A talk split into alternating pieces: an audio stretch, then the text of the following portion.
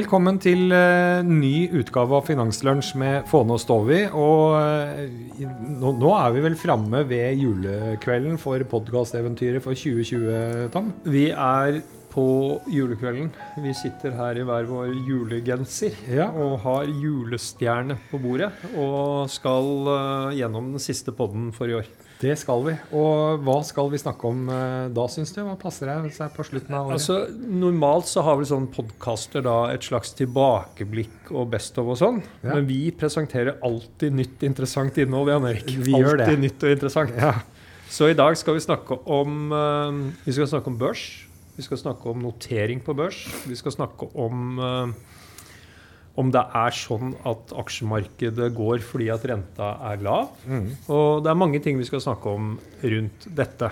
Og vi sitter jo ikke her uh, alene. Vi gjør ikke det, vet du, for det ville vært uh, kjedelig. Vi har, uh, kan introdusere første, første gjest. da, Sindre Stør, administrerende direktør i Verdipapirforetakenes forbund. Velkommen igjen tilbake til oss, Sindre. Ja, Veldig hyggelig. Takk. Ja. Vet du hva, du, du, eh, Vi har jo hatt en sånn mailutveksling, og du eh, mener å ha sett noe, noe, interessant på når det gjelder børsnoteringer i Norge det siste året? Ja, altså Jeg er vel ikke helt aleine om å, å, ha sett det. Nei, nei, Men det har, det har, skjedd ting. Ja. Det har det. Og um, det er jo sånn uh, antall børsintroduksjoner eller noteringer eller opptak til handel, som det heter. da. Mm. Det er jo et sånt uh, tall som egentlig ikke så veldig mange rundt oss uh, får liksom sånn uh, De blir sånn kjempeinteressert. Men for oss som er litt nærmere næringslivet, så er det faktisk innmari viktig. Ja, det er det. Ja, for det er, et, det er jo tegn på at det skjer nye ting i næringslivet når det er bedrifter som kommer til Oslo Børs og vil notere seg på børsen, enten på hovedlista eller på på det som et Merkur, Merkur mm. tidligere og, og, den type ting, er det ikke det? Jo, det er jo dynamikken, ikke sant. Og, mm. og så kommer det litt sånn Det er litt grann sånn der type grei metafor av vi nærmer oss nyttårsaften. Det er litt sånn champagneflaske, ikke sant. Så kommer ingenting, eller sketsj, kommer ingenting, og så plutselig kommer alt, ikke sant. Og i år har det vært litt sånn I år kommer alt. ikke sant? Mm. Og det er jo et resultat av at det skjer ting i norsk næringsliv. Altså, vi er vant til å de så, Det lille vi får av uh, næringslivsnyheter på Dagsrevyen, da, så hører du liksom om Hydro, Equinor og liksom de, Telenor og de store, og DNB som får noe. ikke sant? Altså, det er sånn de store selskapene. Og så tror vi, da, i og med at vi bare hører om dem hele tida, for de har jo vært her siden tidenes morgen omtrent, ikke sant? Mm. Så tror vi at ja, ja, det er norsk næringsliv. Ja, det er en del mer enn det, altså. Ja. Mm. Og nå har det da kommet Det er vel ganske, ganske utypiske for norsk næringsliv? Ja, egentlig. Ja, men det er også mange studier som viser det der at liksom, eh, store selskaper går jo hen og dør. Mm. Og du er hele tida liksom, Det er jo sånn der the, the, dinosaur graveyard ikke sant, i forhold til at uh, ting varer ikke evig.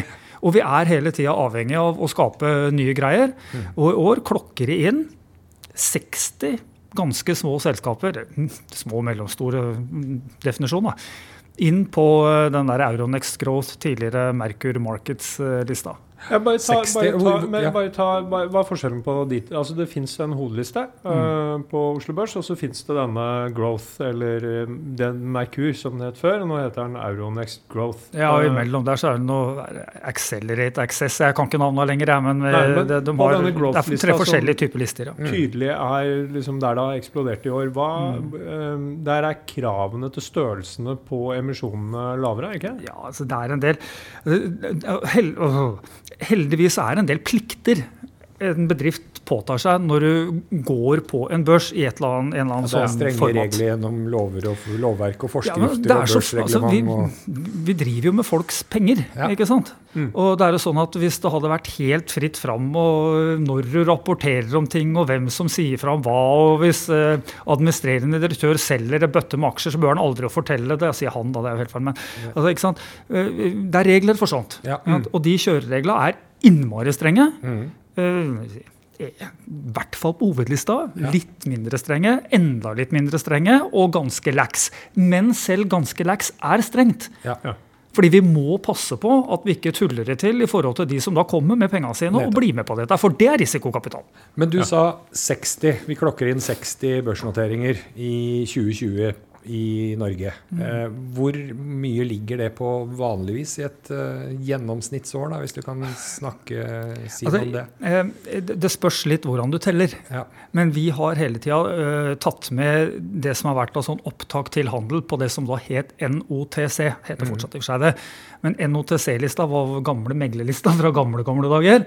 Det var et sånn tidlig lavterskeltilbud for at en del av disse unge, spenstige selskapene skulle komme videre. Komme Ja. ut av startblokka. Så har den, den muligheten alltid vært der. Og hvis du tar med den, så har snittet vært 40-ish de siste ti åra. Ja. Og nå smukker vi opp i 60, da. Hvor store er disse eh, emisjonene i snitt i år, cirka, tror du? Nå må vi passe på å ikke snakke om, Det er to forskjellige ting her. ikke sant? Det ene er størrelsen på selskapet Ja. idet det kom på børs. Og det andre er hvor mye penger i en De emisjon de eventuelt hente henter inn i forbindelse med noteringa. da. Um, men dette her er, uh, altså, det, er, stort spenn her. altså. Mm. Det er uh, noen av de selskapene som har kommet på altså noen av de selskapene som har kommet på Euronext Growth, Merkur Markets, i inneværende år, de, de har mange milliarder i market cap når de kommer på. Altså, det er svære selskap. altså. De kunne i gåstein like gjerne vært på hovedlista. Mm, kanskje. Det er ikke mulig at det er litt liten såkalt fri flyt, og litt sånne ting, men det er ganske svære selskaper. Og så er det da helt ned til noen på noen få hundre millioner. Men i norsk næringslivssammenheng så er et par hundre millioner kroner i market cap. Det er jævla mye, men så er det veldig mye, det òg, altså. Det er ikke småtteri. Ikke sant? Så det er, det er liksom selskaper som, vi, som er på den der spretten. ikke sant? Men nå, 2020 har jo vært et e- ekstremår for, eh, for næringslivet. Masse usikkerhet, eh, stor arbeidsledighet, pilene peker feil eh, vei, BNP krymper. Eh, Er det noe sammenheng med det, eller er det mer sånn tilfeldig at du tror at vi har fått en sånn catch-up-effekt eh, i år? Det er jo ikke sikkert du har noe Nei, svar er- med to streker under på det, men det er bare for å liksom en- vi, vi vi får tillate oss å se litt stort på det. Ja. Ja. Og det er ikke tvil om at altså, det, er jo, det er jo alltid en cocktail av ting. Det er aldri én ting. Men hvis du overblander en cocktail og har 14 ingredienser, så blir det ikke så ikke sant? Men hvis vi snakker om to-tre ting bare da, som har gått inn i den cocktailen i år eh, Vi gikk inn på ganske høye nivåer i året. Altså, det var ganske høy børs. Vi var på 9,40 når vi starta året også. Og det er der vi er nå. ikke sant? Og gjennom vinteren så var det egentlig ikke noe sånn jubelfølelse på børsen. altså. Jeg mener Fram til greiene traff oss ikke sant, i mars. Eh, Det var, sånn, det var greit. ikke sant? Men litt sånn, ja, kjørt ganske brukbart de siste åra. Litt sånn tenkepause og sånn. ikke sant? Og så smeller det ned. ikke sant? Fra da disse 9,40 ned til hva ble det? da? 6,50 på one eller noe sånt ikke sant? på hovedindeksen. Så det var jo en, en, et godt liksom, fall ikke sant? Når, når vi ble ramma og alle ble satt i husarrest. Eh, men der var vi ikke lenge. Altså. Ikke sant? For da, liksom, umiddelbart, så er liksom Aksjemarkedet reagerer jo monumentalt. At dette her kommer til å gå skikkelig gærent. Det kommer til å bli konkurser. Det kommer til, alt kommer til å gå i stå. Vi kommer ikke til å få kreditt. Det kommer til å bli eh, eh, full stans på boligbygging. Det er masse man tenk- arbeidsledighet. Man tenker fort litt worst case. Ja, og det smukker du ned fra 9,40 til 6,50 før du får øh, stått opp om morgenen, liksom. Det går fort, altså. Ja. Men så, da? Hva skjedde da? Å, øh, nære mor Norge og øh, hvem det måtte være i USA og alle andre steder, politikerne våre, bare stepped up to the plate. Åpna lommeboka. Og ikke bare åpna de lommeboka. Men i tillegg så var jo alle da vise sentralbanksjefer rundt i verden åpna også sin lommebok. Og begynte å spyle egentlig penger inn i økonomien. Det er litt sånn vanskelig tilgjengelig greier det der med pengemengder og sånne ting. Ja, ja. Men, men anyways da, det er liksom to hovedbrytere de trykka på i år. da. Det ene var smakk, vi, vi redder alt og alle. Ja, altså, og jeg mener, jeg, vi, vi snakker liksom åpne lommeboka helt opp. ikke sant? Og Nesten at du bare kan gå og forsyne deg. ikke sant? Altså, det er ikke noe feil i det, ikke sant? men det, bare, det ble innmari enkelt. Ja. Og en veldig bra redningsoperasjon. I tillegg så kommer altså eh, sentralbanksjefene liksom med dobbel brannslange og bare spyler penger inn i økonomien. Um, tredje rentene ned, nærmest i negativt eh, territorium. Og da blir det jo sånn at selv for vi, det vi kaller for retail-kunder, altså det selv for mannen i gata-type investorer, så ble det såkalt et år med Tina. There is no alternative. Hvis du skal ha litt avkastning på pengene dine, så må du være med på noe som er litt mer spenstig. Og så blei vi innmari optimistiske for alle disse her innmari kraftige virkemidlene. da. Pluss at du hadde fått børsen gått ned. Og du liksom der vippa liksom den der skyggelua di litt oppover, oppover. Så at ja, men faen, dette her kommer til å gå ganske greit. ikke sant? Og så har vi så lave renter, og ting ser Ok, vi har Trumperen, men dette her, ikke sant? det ser ganske fornuftig ut. Og da begynte folk å ta risk. Nettopp. Og da var det risk on. Ja. Og så- men, er, men betyr det at det er litt taktiske hensyn for selskapene som går på børs også? At de ser at her er det likviditet i markedet, det har vi lyst til å hente. Derfor så klumper alle emisjonene seg liksom i en sånn periode som du beskriver nå? Det er to ting de vil ha. De vil ha fornuftig prising, Ja, og de vil ha tilgang til penger. nettopp. Ikke sant? Ja. Og um, begge de klikka inn i, i år. Ja. Men det betyr jo ikke at det er dårlige investeringer av den grunn. Absolutt ikke. Mange av disse selskapene har ligget i vannskorpa i mange mange år. ikke sant? Ja. Altså, dette er bedrifter mange av dem som har holdt på en god bit og Mm. har vært gjennom dødens dal, mange av dem, og liksom kommet ut på andre sida, og liksom nå skal de bli store. Og nå får de tilgang til å virkelig å altså, nå, nå har de fått ja, veksthormonene. Nå kan de gå ut og bli store og sterke, altså. Men det, det er et veldig godt bilde, fordi at vi har med en gjest til i studio. Uh, det- hun som eh, representerer hva vi kan kalle de som serverer sprøyta med veksthormoner. Eh, Kristin Skau, leder av Aksjen Norge. Du er jo eh, hun som nå er kjent for å reise land og strand rundt og argumentere for hvor eh, smart og gøy og viktig og på alle mulige måter interessant eh, det er å investere i aksjer for eh, helt vanlige nordmenn. Altså, på den andre siden av det Sindre snakker om, så står det jo noen som har latt pengene sine satt pengene sine i spill her og gitt eh, eller investert dem i nye selskaper. Eh, hva, hva sier du til dine medlemmer om eh, voldsomme dette voldsomme emisjonstrykket på børsen? Ja, det har jo vært et vanvittig trøkk, som Sindre beskriver her. Og jeg tror nok mye av dette handler om Og da er det ulike faktorer som er med på å påvirke at private har kommet inn i markedet. Og det ene er jo som du sier den lave renten, men vi har en hel generasjon som aldri har opplevd høye renter. Og denne unge generasjonen har vi jo snakket mye til om at de må spare på egen hånd. Eh, og de vil gjerne inn i boligmarkedet. Men det ser jo ut til å ta ti år eh, før de klarer å spare opp den egenkapitalen de trenger før de kan gå ut og kjøpe, unnskyld, kjøpe seg denne boligen. Og så det har vært Den yngre generasjon har én motivasjon for å gå inn i markedet, og så er det den eldre generasjon som har veldig mye kapital på konto og ser at dette forrenter seg ikke.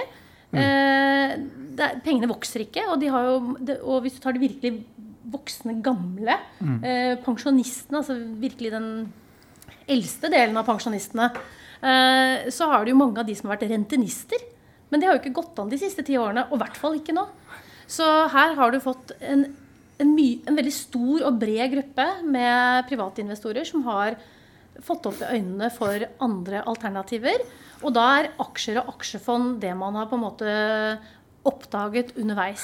Men det er ikke noe galt med det. Uh, uh, altså det, det er eh, jeg tror alle vi som sitter i dette rommet, mener jo at langsiktig aksjesparing er en veldig fornuftig måte å forvalte penger på. Ja.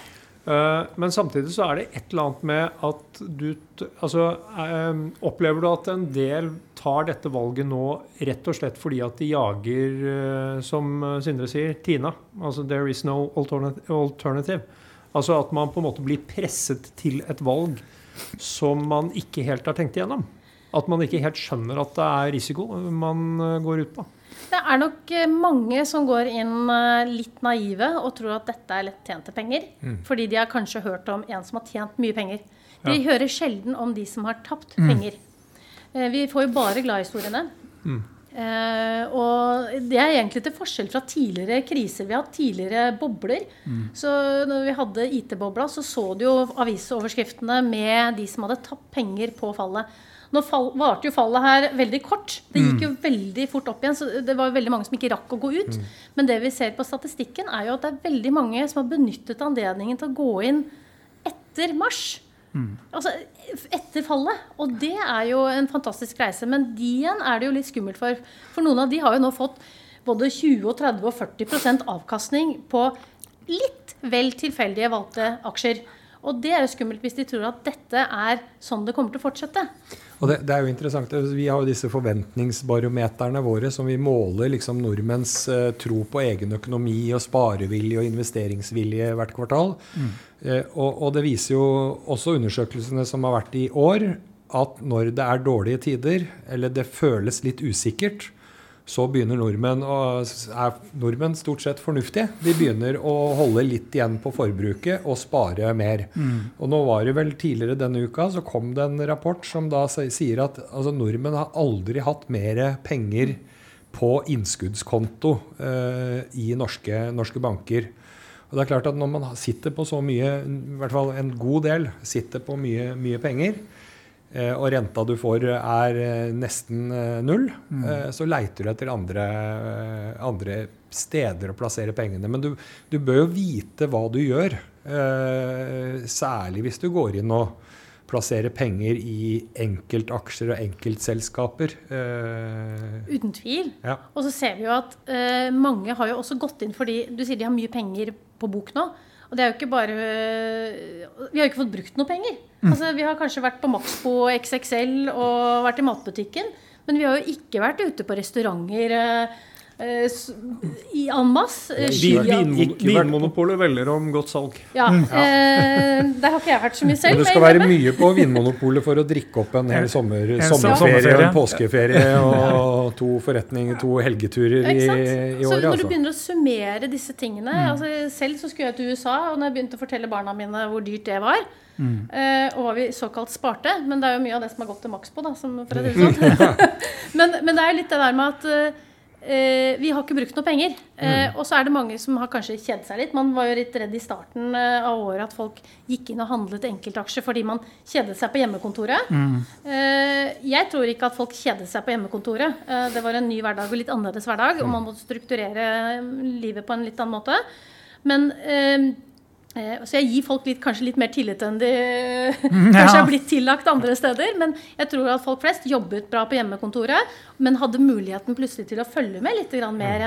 Og du hadde litt mer fritid. Det var plutselig ikke barn som skulle på fotballtreninger. Du kunne ikke gå på de selv. Det var ikke noe skirenn. Det var, altså alt ble jo avlyst. Mm. sånn at du har mer tid til å sette deg inn i tingene. For det er jo ikke sånn at å gå inn i aksjemarkedet er bare gjort ved et tastetrykk. Det er lurt å sette seg litt inn i det på forhånd. Og de fleste gjør jo det når vi ser Også, på statistikken. Og det at du har la oss si du har 100 eller 150 000 eh, stående på en konto, da, det er ikke sikkert at det er aksjer du skal spare de pengene i. Det kommer an på din personlige økonomi. altså Har du dyr, dyr forbruksgjeld, eller du har eh, eh, det er alltid greit å ha en buffer også hvis vaskemaskinen går eller bilen må mhm. repareres. eller noe sånt. Så det, det er jo en vurdering fra person til person òg.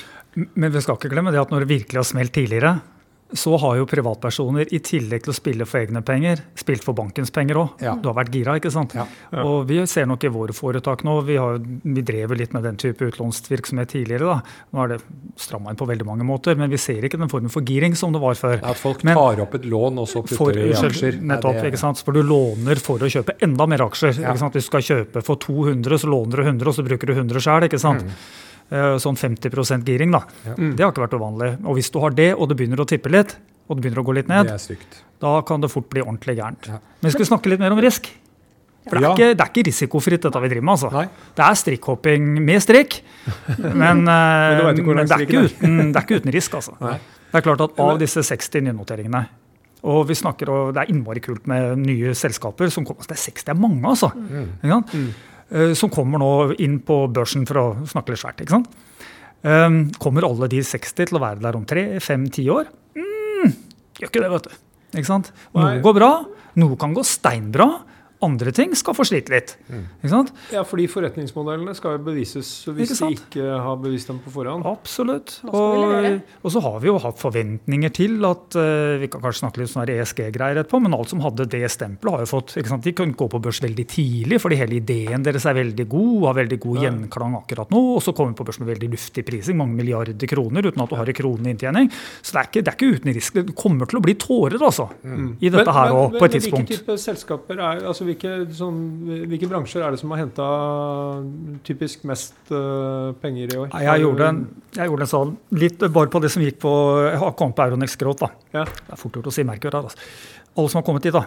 Eh, så gjorde jeg en litt sånn uhøytidelig scoring i margen. på bare gikk nedover lista, og Da kom jeg til at 85% av de pengene vi har henta inn til de selskapene, det har en sånn type ESG-IT-tilt. Ja, unnskyld. Bærekraft, ja. grønt, ny teknologi. Ja. Uh, Aker Carbon Capture, uh, Wind Offshore. altså Det er alle de nye, den nye grønne bølgen. Mm. Og IT, digitalisering. Det er 85% av pengene. Så dette kan også leses som et signal om at det skjer noe positivt positivt med den omstillinga som vi er opptatt av at norsk næringsliv må, må igjennom. Altså vi, vi skal skape flere arbeidsplasser. Vi må omstille fra brunt til grønt. Det betyr at det det altså, noe, år. Noe av omstillingen skjer jo i, etablerte, etab, i det etablerte næringslivet. Mm. Men det er også noen nye virksomheter som må komme opp, som ja. erstatter noen av de gamle som, kommer, som, vi vet kommer til å forsvinne eller nedskalere. Så det er jo også et positivt signal om at det skjer ting i næringslivet. At vi omstiller oss, at vi satser. at vi ja. Det der er kjempeviktig. Og, der, og, der, og, det har jo vi eh, som er i kapitalmarkedene alltid vært med på. Altså Vi kommer med penga til mm. tider på de nye, gode ideene, det som er fremtidsretta, neste generasjons greier. ikke mm. sant? Uh, og, og, det er en del av det fantastiske med å ha kapitalmarkeder. så er at Vi får til akkurat dette her, og vi er innmari bra på det i Norden. altså. Hvis vi ser Norden som helhet, så smukker vi inn 100 sånne uh, ikke så store selskaper på listinger i år, ved. Hvis vi tar med Oslo og Stockholm. Mm. Sammenlagt mellom London, Frankfurt og Paris, hvor mange er det der til sammen i år? 50. Nettopp. Jeg ga deg svaret. og, og det, men det er litt sånn stas, altså. Det er dobbelt så mange hos oss som dem. Det er helt utrolig. Det er helt utrolig, det. Ja. Og det viser bare at vår evne her oppe i Norden altså Norden, Vi er litt sånn poster childs på veldig mye som er godt og bra i verden. Altså, selv på kapitalmarkeder. Mm. Altså, Vi er bedre på kapitalisme enn USA, liksom. Altså, Vi klarer å, skave, liksom, å komme med risikokapitalen til vekst. Men, men det der har jeg mm. lest litt, altså, det der er egentlig ganske interessant, fordi at uh, jeg, jeg husker ikke helt hvor jeg har lest dette. men men uh, i, uh, altså i Europa og i Skandinavia særlig så dør selskaper før de dør i USA. USA har liksom Store selskaper overlever fryktelig mye lenger normalt i USA, har jeg lest et eller annet sted. Og det forklarer man med altså Dynamikken i norsk næringsliv er mye bedre fordi lønningene er høyere her. Altså det å ansette mm. folk eh, vi har ikke, altså Minstelønnen eh, er høy, mm. samtidig som uh, høy kompetanse Vi har jo en ganske flat lønnsstruktur, så høy kompetanse er også ganske billig relativt til en god del andre land. Og Det betyr at vi er nødt til å utnytte den arbeidskraften så godt vi kan. Og da blir det mer dynamikk i næringslivet. Mm. og en del av de selskapene som overlever på at de liksom kan betale sine ansatte uh, knapper og glansbilder, mm. de blir liksom, Det er ikke noe effektivisering, det er ikke noe robotisering. det er liksom mm. ikke noe, Den dynamikken finnes i mye mindre grad. Da. Og jeg tror kanskje det også kan ha en altså at Noe av det vi ser nå i den digitaliseringsbølgen i Norge, er nettopp det at vi ligger helt i front på å effektivisere, digitalisere og dukke opp med ganske mange interessante nye verdiforslag og forretningsmodeller. Ja, og plutselig dukker de opp. Du har helt rett i en del av det du sier. Det, men det, er, det er mange studier. Altså, det er en hel skuff du dro opp nå. Vi skal ikke gå gjennom alt innholdet i den. Nei. Men, men, akkurat det der at vi er dyktige på omstilling. Vi har en høyt eh, utdanna befolkning, en befolkning som nesten uansett uh, utdanningsnivå er flytende IT-brukere. ikke sant? Mm. Ehm, så alt ligger til rette for. Og når vi går litt bakenfor og ser på tallene, så som akkurat dette med hvor mange børsnoteringer vi har her i Norden i år, da, det er veldig bra. altså. Og det, det borger vel for all form for omstilling. Ja. Men igjen, jeg må tilbake til investoren. Det er ikke sikkert at alle investorer kommer til å være like happy om tre og fem og ti år. Særlig hvis du bare har kjøpt deg én eller to aksjer, og du i tillegg har lånt litt penger for å kjøpe de én eller to aksjene. Sånne ting er farlig. Altså, det går, det går, diversifisering går aldri av moten. Nei, Nei, det er nettopp det. Og det, det jeg ser eh, liksom, veldig hardcore fakta, er jo at eh, 50% eier kun aksjer i ett selskap. Eh, og det er jo skummelt, eh, for da er det jo virkelig ikke diversifisert. Og diversifisert handler jo om å spre risikoen for flere selskaper, så du er mindre sårbar for de daglige svingningene og de kortsiktige svingningene som skjer Uh, og det med Merkur, da, som du nevner, eller da Euronext Growth, mm. der er det jo slik at veldig mange av de som investerer privat, da, eh, blant privatpersoner, det er jo stort sett unge menn. Eh, det er mye lavere kvinneandel på, på disse Euronext Growth-aksjene. Eh, og det er jo som du sier, Sindre, her er det mange selskaper som eh, er vekstselskaper. Og hva er det vekst handler om? Jo, det handler jo om at inntektene er jo ikke her enda. De har en forretningsplan eh, og en forretningsidé som de må innfri på. Og, de, og nettopp fordi det er så strengt og regulert, mm. så må de eh, rapportere hvert kvartal, helst, på hvordan det går. Eh, og hvis de ikke klarer å innfri, så skal jeg love deg at analytikere og media er på dem med en gang. Og ikke minst også disse hjørnestensinvestorene. Og det tror jeg har vært noe av det viktige for å få på plass alle disse selskapene på børs i år. har vært den støtten eh, selskapene har funnet gjennom hjørnestensinvestorene. Altså disse store institusjonelle investorene som har kommet med store beløp. For eh, privatpersoner har jo egentlig ikke gått inn med store beløp på de nye selskapene.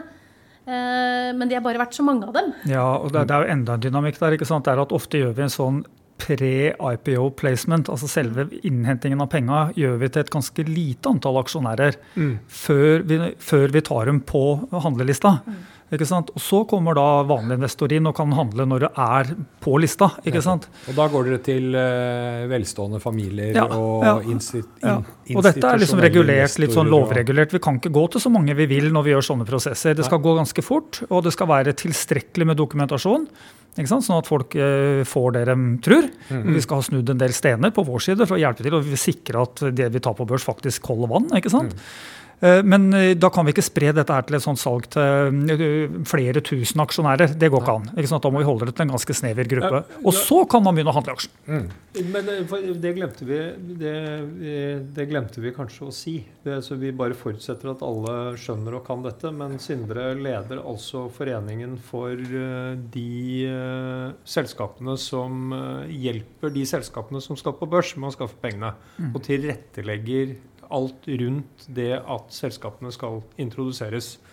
Og som har lange lister med navn de kan ringe til når de har gode ideer, nye verdiforslag, som kan være noen av de engleinvestorene eller de første Ja. inn. da. Og vi kjenner kundene våre godt i den forstand at vi vet hvem som har hvilken type appetitt. Ja. Vi, vi, vi vet hvem vi skal ringe på en sånn type greie. Mens en annen type greie innenfor biotek, nei, da er ikke samme lista. Det er noen andre vi må ringe ikke sant? For, og få kontakt med. Men eh, Kristin, hva, eh, vi, vi er nødt til å understreke risikoen her. Eh, vi snakker om dette som champagne og glede og gøy, og alt skal vokse og sånn. Men det er en god del av disse selskapene som ikke kommer til å vokse. Og du sa at halvparten av privatinvestorene har bare ett selskap som de eier. Det er et tall som sjokkerer meg litt. Altså, eh, altså, da regner du ikke privat... Altså. De som, ikke, de som er privatpersoner, men via fond, de regner du ikke da. Nei. Nei, nei. Altså Dette er de som, er, har liksom, som handler står som individer og handler aksjer. Du hører med at dette er jo tall som man har fulgt med på i over 20 år gjennom ja. Aksje-Norge, som har fått tall da fra VPS. Eh, og eh, veldig mange av disse er jo også eh, hva skal vi si, pensjonister som eier eh, i en lokal sparebank. Det er viktig å få med seg. Men de Kanskje er, ikke det, kanskje ikke det farligste. det er kanskje ikke det farligste. Ja, de, det er- de- de, de eier eh, De, de, egenkapitalbevis de jobbet i. Kredittkassen for Ja. eh, 30 år siden, eh, fikk, kjøpte noen aksjer hos arbeidsgiveren sin, og, og, Og nå er det Nordea-aksjer, uh, gitt. eh, Ja. Nordea-. Ja, de gikk- Ja, de gikk ja, jo null. Ja, De det var et dårlig eksempel. Det var et dårlig eksempel. Men altså, det er jo noen som på en måte da liksom kjøpte seg noen aksjer der hvor de jobba, i Ja. et industriselskap eller Hydro. Og det er det jo mange i. Norge som Ja. gjør. Der, eh, i, bare i Equinor så er det jo 16 000 ansatte som eier aksjer i Equinor. Mm. Men det er 100 000 nordmenn som eier aksjer i Equinor. Ja. Eh, Men det som var interessant å se i forhold til eh, det med antall aksjonærer, er jo at Aker Solutions for det, liksom, det kanskje går litt tilbake igjen, men det er det å synliggjøre verdiene i selskapet. Aker Solutions var jo kanskje et av de selskapene hvor det ikke syntes så godt utad for andre investorer at de også drev med vindkraft og drev med, skulle drive med karbonfangst. Og da de skilte ut eh, disse to divisjonene av selskapet, som et utbytte til eksisterende aksjonærer, så var det jo allerede 20 000 aksjonærer i Aker Solutions som hadde handlet den aksjen fordi den aksjen rett og slett gikk så dårlig. Så da tenkte mange at dette er litt sånne eh, lettrente penger. Så, men de har jo egentlig hatt griseflaks. Og det er nettopp det som er et viktig poeng her. Eh, Det, jo ikke, det sier jo ikke noe om at uh, verken Aker Solutions er bra eller dårlig, eller Aker Carbon Capture eller Aker Offshore Wind er verken dårlige eller bra selskaper. De jobber med interessante teknologi alle sammen. Men eh, det handler om at her var det 20 000 aksjonærer som kanskje hadde litt flaks. Eh, og det er ikke sånn man har flaks med alt. Det er viktig da å sette seg inn i hvilke selskaper man investerer i. Når er det de skal begynne å levere inntekter? Altså Ta et eh, landbasert eh, oppdrettsanlegg. da, eh, Hvor de skal først bruke ett år på å bygge anlegget. Og så skal de få bruke ett år på å få denne smolten til å vokse til å bli en stor fisk som de kan selge og få inntekter på. Og kanskje det tar faktisk én til to år i tillegg til å bygge et marked for denne fisken. Mm. Så inntektene ligger langt fremme. Mm. Og det er det man må liksom forstå som aksjonær. at Du må, du, må, du må vite at du kan tape disse pengene. Ja. Du må tåle å tape Ja, og dem. du vil- Og du må vite at det kan ta mange år før du eventuelt får tilbake den Det gevinsten kan ta du lengre er ute tid. etter. Mm. At det, det kan, kan godt være at det er bra selskaper som eh, Mest sannsynlig er det bra selskaper. Og de har jo altså, Det er ordentlige selskaper. Det er, som du sier, det er store verdier inne i bildet. Det er mange ansatte. Eh, de følger eh, norske lover i, Mm. på alle mulige måter. Men det handler noe om liksom, når kommer inntektene til eh, og overskuddene til aksjonærene.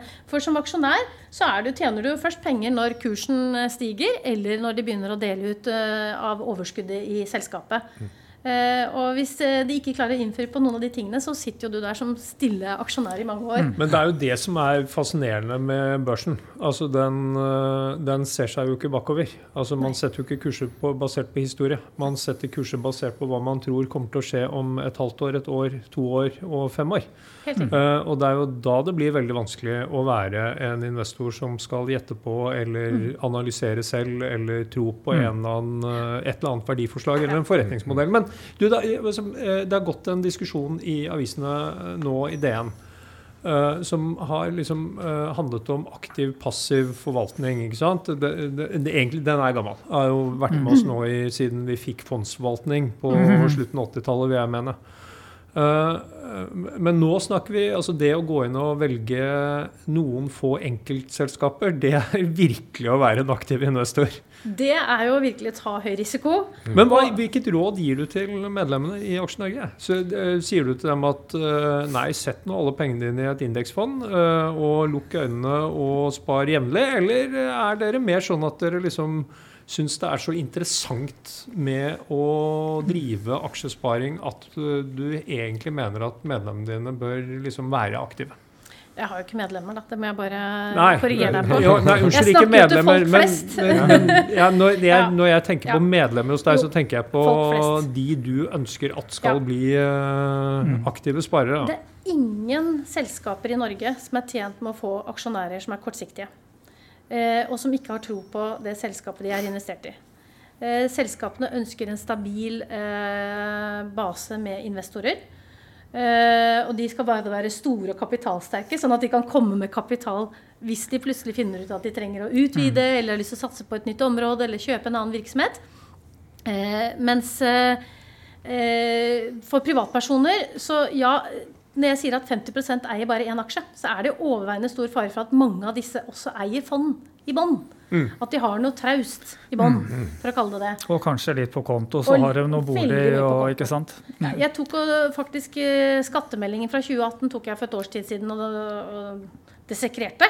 eh, Og tok bort de topp ti rikeste i Norge. Og så tok jeg bort de ti med minusformue og de 10% av befolkningen med null i formue. Og da sitter vi igjen med 70% av befolkningen. Og av de 70% så er det rundt eh, 900 milliarder kroner som vi har oppsparte midler. Altså finansiell formue. Ikke boligen vår, men altså bankkonto, sparing i fond og aksjer.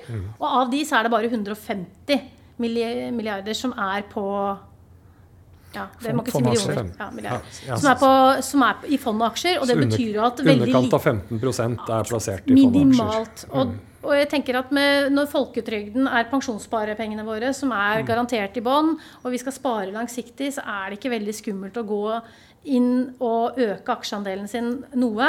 Eh, men man må jo ikke bare liksom kaste absolutt alt inn eh, med en gang. Eh, man bør sette seg inn i hva dette er, og når trenger du pengene. Hvis du skal kjøpe deg bolig om to år, så, så er ikke aksjemarkedet det man anbefaler at folk flest går inn i. Nei, Vi snakker jo alltid om det. Altså, du bør ha en femårsperspektiv, Ja, og du bør eie mer enn én. Altså. Du må Ja. ha en diversifisert portefølje for å være sånn noenlunde trygg på det du Ja. driver med. Ja. Men det er jo sånn, men når det blir litt varmt marked som vi har hatt nå i det siste, da, så er det jo sikkert mange som føler at de er kjempeflinke på dette. her, ikke sant? De har liksom, som du sa i stad, 30-40-50-100% avkastning på det de har gjort, og de føler liksom at eh, de kan jo dette her. Så det er jo det er ikke noe vits i å diversifisere seg. og sånn, Bring it on! Jeg tar neste år, jeg, ikke sant, når jeg først er i, i siget. Og der er det sånn der eh, gammelt uh, indianerord i bransjen, liksom. Det er 'don't confuse a bull market for brains'. altså, Når det først går bra der ute, så føler du deg skikkelig King Kong.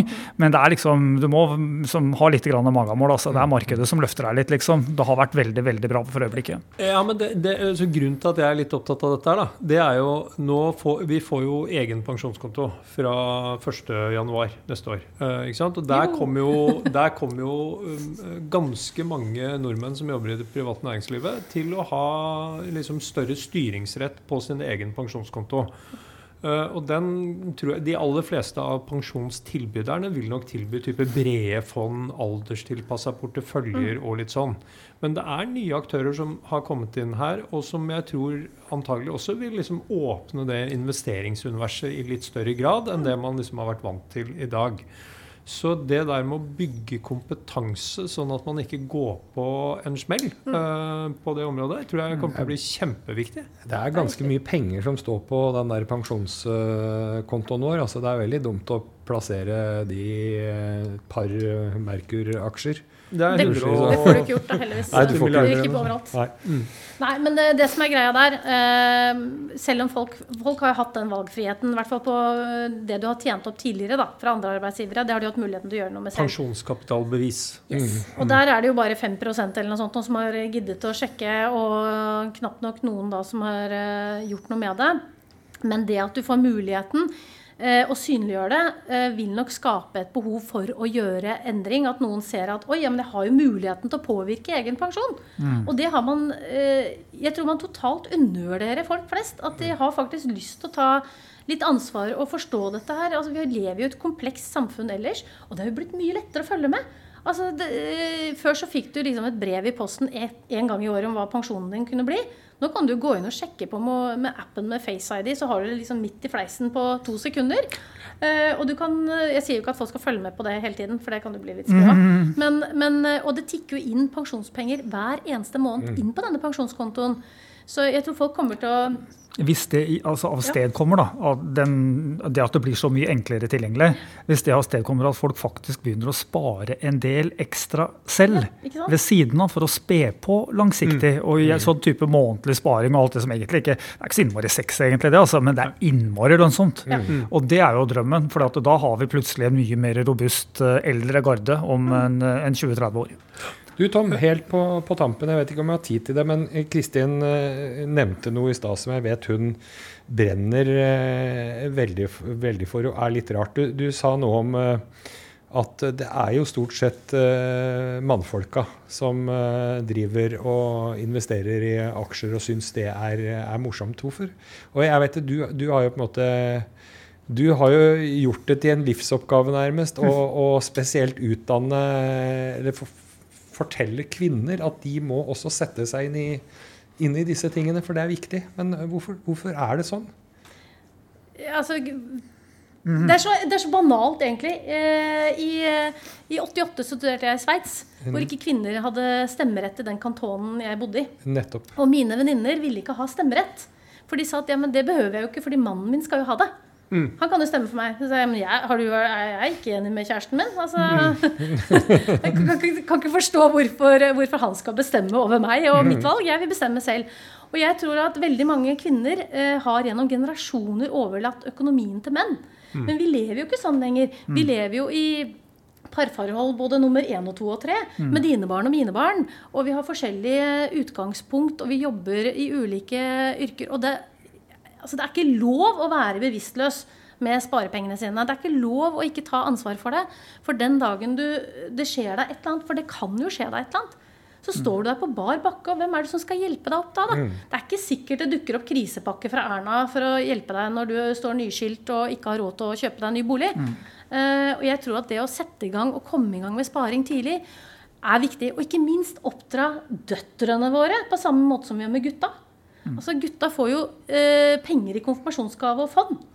Mens jentene får ikke vondt med, bunad og stæsj. de bare lærer dem å bruke penger, ikke spare. jo, men gjør jo det. Ja, men ikke det er medfødt, da. Ja, nei, nei.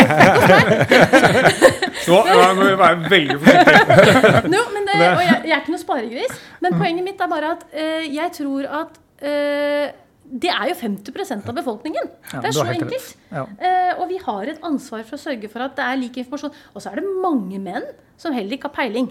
Det er jo ikke, noe, altså, det er Nei, jo nei. sånn at menn er... Det forskjellen menn er at vi, vi menn vi tror ofte at vi har peiling, Ja. selv om vi ikke har peiling. Mens kvinner må være helt sikre, overbevist om at de har peiling før de gjør noe. Det er som i trafikken. Ja. Ikke sant? Menn er jo ofte bedre enn Ja, gjennomsnittssjåføren. vi- vi gjorde jo en undersøkelse Vi ser, det. Altså, vi ser det på det nevnte forventningsbarometeret. Det er veldig spennende. Det, vi har holdt på med dette hvert kvartal siden 92. eh, Og et av spørsmålene handler jo om eh, eh, altså, hvilken tro har du på egen økonomi fremover, hvilken tro har du på landets økonomi fremover, og sånn. Eh, og og det, er, det er gjennomgående sånn at menn er mer positive til fremtiden enn kvinner i den spørreundersøkelsen. Mm. Altså De svarer mye mer positivt over tid. og har, liksom det, Nå har vi 30 år med historikk på dette. Så, og det kan jo ha altså, Og hvis du vet, altså Dette har jo ikke noe med kunnskapsnivå å gjøre, og sånn, ikke sant? Eh, Men, men det er veldig fascinerende å se. altså. Jeg tror det er, det skjer et skifte her jeg nå, tror det er altså. innlært, som du sier, Kristin. Og vi har jo også gjort undersøkelser i forbindelse med kvinnedagen i år, som var i mars. Eh, liksom som viser at eh, i parforhold så er liksom seks av ti boliglån står på mannen og ikke på kvinnen. Eh, Seks til syv av ti forsikringer i der man har en felles husholdning, står på, på mannen. Og eh, menn sparer mer ekstra til pensjon enn det kvinnene gjør. Selv om det egentlig er kvinnene som burde spare mer fordi de, i pensjon, fordi de ofte kommer dårligere ut. Fordi de har lavere, også lavere inntekt. Så den ulikheten eh, Og så er vi dumme. altså ikke vondt ment. Vi burde ha gitt oss eller blitt sammen med mye yngre partnere. Altså Vi har jo en tendens også til å velge eldre menn. mm. Gjerne to til syv år eldre. Og hvis de da går av med pensjon som 67-åringer, så har jo ikke vi damene lyst til å vente. Vi har jo lyst til å være med på denne Hvorfor skal de gå rundt og reise jorda rundt og spille golf og stå på ski og ha det gøy? Det vil jo vi òg, ikke sant? Så det man ser, er at veldig mange kvinner også kanskje går av med pensjon tidligere enn de burde ha gjort. ikke sant? For da mister de jo fem år med opptjening. Altså, nei, eh, vi må rett og slett uh, ta grep om egen økonomi og være litt konge der selv. Eller dronning, er det vel det heter. da. Det høres Det, bra Jan Erik, dette, dette ble litt av en julepod. Den begynte altså dypt nede i Merkurmarkedet og endte i en like, eh, likestilling på personlig økonomi. Jeg vil si en appell til å spare mer i aksjer for kvinner. Ja. Ja, Kan ikke jeg få komme med julegavetips? Vet nå rister jeg, for Ja, vet du ja, hva? Julegavetips. Eh, Ja, julegavetips. Kan jeg få komme med et julegavetips? Ja. Istedenfor å gå ikke vondt ment mot de stakkars gullsmennene, istedenfor å gå og kjøpe et kjempedyrt smykke eller et eller annet stæsj som havner i smykkeskrinet sammen med de hundre andre tingene, eh, gå og kjøp et fond, da. Skap en interesse. Fordi det øyeblikket du kjøper et fond og setter det på en aksjesparekonto Du kan sette det i ditt navn først, så kan du overføre etter jul når banken er opp igjen. eh, og så bare overføre det til henne etterpå. Så får hun satt i gang, og hun får det rett i fleisen gjennom eh, bankappen sin. Og så blir hun klar over hva, hva dette her er, og så får hun blod på tann, og så har hun lyst til å spare mer.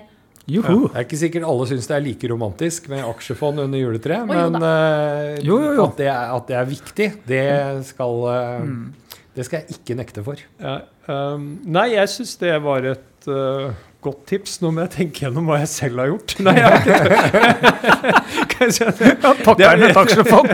Litt pent. Eh, Jan Erik, det har vært et eh, innholdsrikt år, får vi si. Eh, skal vi bare som eh, Vi må begynne å avrunde nå. Ja, vi må det. Eh, det stunder mot jul. Eh, skal vi rett og slett ønske alle i studio, eh, oss selv, lyttere, hele Norge, et veldig mye bedre 2021.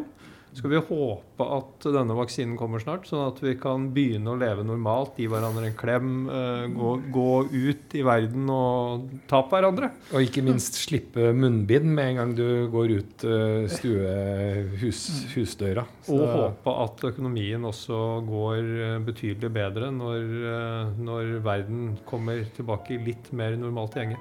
Jeg slutter meg til de eh, juleønskene fra deg, Tom. eh, Og ønsker lytterne en eh, god jul og et riktig godt nyttår. Så høres vi på andre siden av nyttår. Det gjør vi.